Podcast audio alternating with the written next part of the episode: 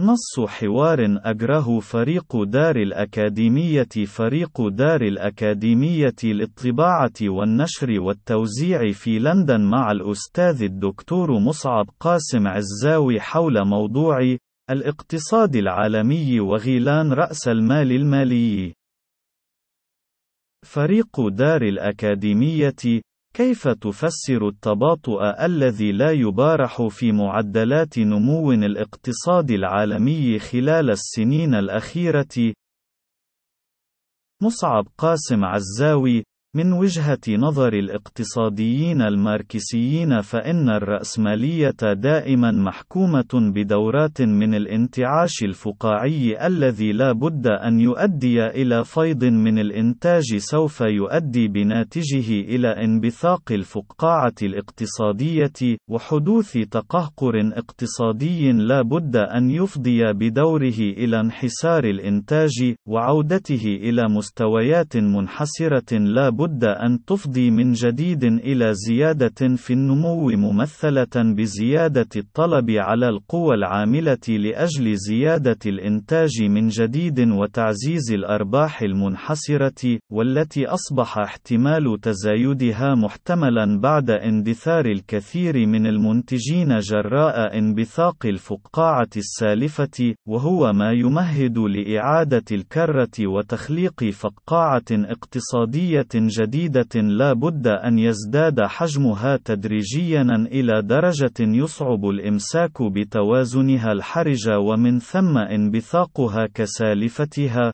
وهي دورية كانت ملازمة للرأسمالية بتواتر لا ينقطع كل بضع سنوات حتى انبثاق فقاعتها الاقتصادية الأخيرة في سياق الانحسار الاقتصادي الكوني العميم في أواخر العام 2007 وهو ما قامت الرأسمالية بالتعامل معه بطرائق قديمة ولكن بطرق هجومية غير مسبوقة من الناحية الكمية، وهي التي يتم توصيفها من قبل اقتصادي الفئات المهيمنة بمسمى سياسات التيسير الكمي، وهي سياسات اقتصادية أشبه ما تكون بعلاج مريض مدنف جراء إنتان جهازي معمم بقامعات المناعة مثل دواء الكورتيزون الذي لا بد أن يظهر المريض المنهك على أنه حصان شديد عتيد لا بد من حقنه بالمزيد من قامعات المناعة لإخفاء الدنف والهزال والضنا عن محياه ومظهره الخارجي. والتوصيف الدقيق لآلية عمل سياسات التيسير الكمي يتمثل في تنطع البنوك المركزية لمصارف دول الأقوياء بحقن أكداس هائلة من الأموال التي تقوم تلك البنوك المركزية بطباعتها دون أي سند اقتصادي في مستوى الإنتاج في المجتمع، أو احتياطي من المعادن الثمينة، كان من المشترط وجودهما سالفا قبل طباعة تلك الأموال، وإصدار أرقام جديدة للثروات القابعة في مصارف مجتمعات الأقوياء الأثرياء الذين يستطيعون الإقدام بكل ثقة على مثل تلك العملية دون الخوف من عقوبات صندوق النقد الدولي الذي يصنف عملات دول المنتصرين في الحرب العالمية الثانية، وخاصة عملات الولايات المتحدة وبريطانيا والاتحاد الأوروبي كعملات تبادل عالمي أي أنها تتجاوز حدود حجم واحتياج اقتصادها المحلي ما دام هناك طلب عليها عالميا وهو طلب لا يتوقف على المستوى الكوني جراء قيام كل النهابين والفاسدين المفسدين في كل مجتمعات المظلومين المفقرين في دول الجنوب الفقير بتهريب الثروات وعوائد الموارد الأولية التي يسرقونها من قوت أبناء شعوبهم المظلومة، وتحويلها إلى عملات التبادل العالمية تلك، وتكديسها في خزائن ومصارف تلك الدول نفسها.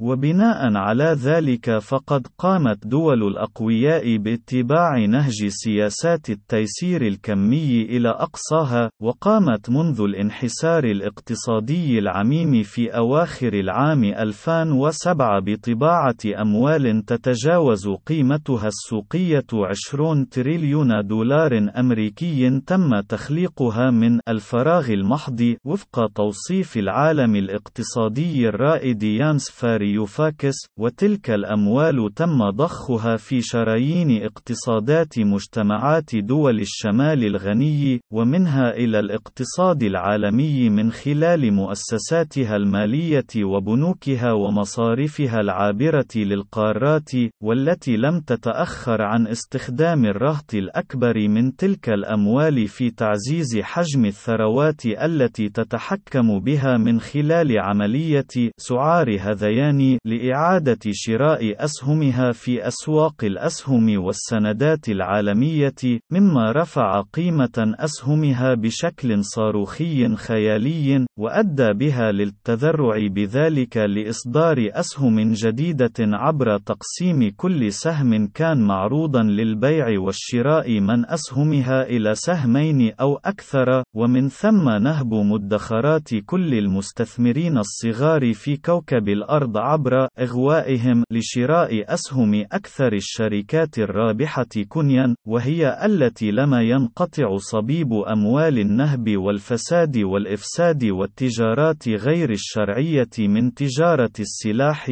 والمخدرات والرقيق الأبيض إلى شرايينها كما أثبتت ذلك وثائق التحقيقات الاقتصادية للمدعين العامين في الولايات المتحدة وبريطانيا على مجموعة من أكبر المؤسسات المالية على المستوى الكوني. وذلك الواقع المأوف أدى إلى تعملق وتضخم حجم رأس المال المالي غير الإنتاجي على المستوى الكوني إلى مستوى غير مسبوق، مترافقا مع تراجع لم يتوقف في الأحياز الإنتاجية الفعلية سواء الزراعية أو الصناعية على المستوى العالمي، وذلك لأن الرهط الأكبر من رؤوس الأموال على المستوى الكوني لا يمكن أن تسعى في استثمار إنتاجي أو صناعي يمكن أن يدر أرباحا محدودة، ويحتاج إلى زمن طويل لكي يدر تلك الأرباح، بينما يمكن تحقيق أرباح فلكية بأقصر الآجال من خلال مضاربات وحذلقات بيع الأسهم والسندات في شركات غير إنتاجية معظمها مؤسسات مالية، حتى لو كان لها ذراع إنتاجي ظاهري مثل شركة أبل وجنرال إلكتريك وجنرال موتورز والتي يمثل مصدر الدخل الأهم لها ليس ما تبيعه من منتجات وإنما ما تحصده من أرباح فلكية جراء ما تقوم به من مضاربات واستثمارات مالية في أسواق السندات والأسهم. وفي الواقع يتمحور الاقتصاد العالمي راهنا حول نهج استقطاب رؤوس أموال مجتمعات الأقوياء الأثرياء في العالم المتقدم بشكل شبه حصري إلى أحياز الاستثمارات غير الإنتاجية، وتحويل جل عمليات الإنتاج الكوني إلى الصين، والتي قررت وفق نهج رأسمالية الدولة القمعية الشمولية الذي تتبناه الإنصاف الانصياع إلى متطلبات مجتمعات دول الشمال عبر تمكينهم دون قيد أو شرط من استغلال قوة عمل العمال الصينيين المقهورين الذين لا يملكون حق الإضراب أو الاعتراض أو حتى الانتظام في نقابة حرة غير خاضعة لحكم النظام القمعي الذي يهيمن على حيواتهم تحت شعارات اشتراكيته الخلبية واو ثورته الثقافية البربرية وهي سياسة يبدو أن الصين تتبعها فعليا من أجل توطيد خبرات تقنية في مجتمعها، والحصول على التقانات التي لا تمتلكها، من أجل الانقلاب لاحقا على هيمنة دول الشمال الغني، حينما تصبح الفرصة سانحة، وذلك عبر تحويل وجهة إنتاجها الذي تقوم به طبقتها العاملة المقهورة المظلومة التي تعمل بأجور بخسة زهيدة لا تساوي عشر ما لا بد أن تدفعه الشركات العابرة للقارات إن كانت تروم إنتاج نفس ما تنتجه في الصين في دولة من دول العالم المتقدم، وهو تحويل سوف يكون مآله توجيه الإنتاج الصيني ليصبح من أجل الاستهلاك المحلي في سوق الصين العملاقة التي يربو عدد المستهلكين فيها على ما يفوق عدد كل المستهلكين في دول العالم المتقدم، وهو تحويل سوف يزيد من معدلات النهب وتراكم الثروة في يد مفاصل الدولة الأمنية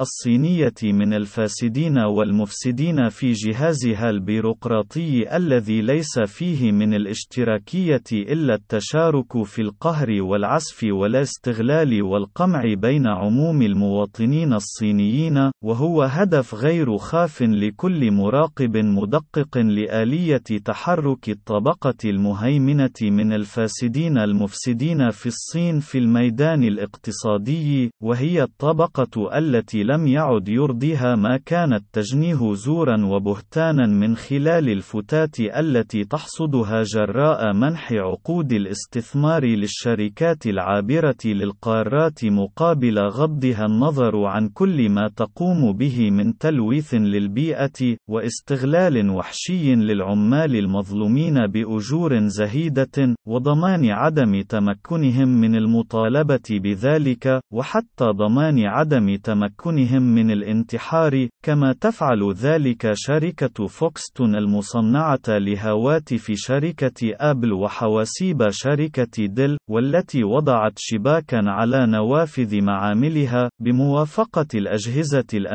الصينية لمنع نجاح محاولات عمالها المتكررة يوميًا للانتحار، وهي المحاولات التي كانت تنجح سالفًا قبل اتخاذ الإجراءات الأمنية الرادعة لمنع تكرارها حفاظًا على سلامة العمال وديمومة الإنتاج الاشتراكي. وذلك النموذج الوثيق العرى من تعملق رأس المال المالي، وانخفاض الاستثمار في الأحياز الإنتاجية في العالم الصناعي المتقدم إلى درجة مهولة، وترك جل ذلك الإنتاج في بوتقة الجحيم العمالي في الصين إلى حين، لا بد أن يفضي إلى توجهات سياسية واقتصادية في مجتمعات العالم الثري المتقدم التي لا لا زالت مهيمنة على مفاصل الاقتصادي العالمي حتى اللحظة الراهنة، تسعى دائما باتجاه ضعف معدلات النمو التي لا بد في حال تزايدها من زيادة أجور العمال نظرا لزيادة الطلب على شراء قوة عملهم لتلبية متطلبات زيادة الإنتاج الذي يمثل مصدر النمو الاقتصادي شبه الأوحد، إذ أن زيادة أجور العمال، وزيادة السيولة المالية في أيديهم لا بد أن تفضي إلى زيادة معدلات التضخم، وهو الرهاب السرمدي الذي تخشاه كل المؤسسات المالية وأباطرة رأس المال المالي، إذ أنه يعني تآكل القدرة الشرائية للأكداس الهائلة من الأموال التي يجلسون على تلالها. وخلاصة الحال المتهالك الذي آل إليه نمط الإنتاج الرأسمالي المعولم في حقبتنا المعاصرة هو حلقة مفرغة معيبة من النكوص الاقتصادي الذي ليس في جعبة الطبقات السياسية في دول الأغنياء الأقوياء في العالم المتقدم في دول الشمال من دواء لمعالجته سوى اتباع سياسة حقن قامعات المناعة السالمة سالفة الذكر ممثلة باتباع سياسات التيسير الكمي وطبع أكداس هائلة من الأموال من دون أي سند حقيقي لها في إنتاج حقيقي وملموس، وهو ما سوف يفضي بالنتيجة وفق التوصيف السابق إلى زيادة تعملق ثروات وهيمنة المؤسسات المالية العابرة للقارات، والتي تقريبا تضاعفت ثرواتها الكلية منذ الانحسار الاقتصادي العميم في خواتيم العام 2007 وهي التي لا بد أن تدفع باتجاه توجيه اقتصادات دول الشمال الغني لتكون دائما متسايرة مع أقنومين اثنين يمثلان ضالة تلك المؤسسات المالية والمتمثلين بضعف النمو الاقتصادي ومعدلات التضخم المنخفضة أو حتى المعدومة للحفاظ على ثرواتها وثروات مودعيها من الأثرياء الأقوياء من التآكل وفقدان قدرتها الشرائية وهو واقع مأوف لا تستطيع الطبقات السياسية في العالم المتقدم زحزحته، نظرا لأن معظم السياسيين المنتسبين إلى تلك الطبقات هم شخوص فارغون مصنعون إعلاميا، وتم تسويقهم وتمويل حملاتهم الدعائية والانتخابية من قبل نفس تلك المؤسسات المالية، والتي جلها من الشركات العملاقة العالمية العابرة للقارات المنخرطة في حلبة اقتصاد رأس المال المالي ومضارباته الفقاعية، وهم الذين لا يستطيعون الانقلاب على من قاموا بتصنيعهم، والعارفين تماما بمفاتيح تهشيمهم إذا استدعى الأمر ذلك.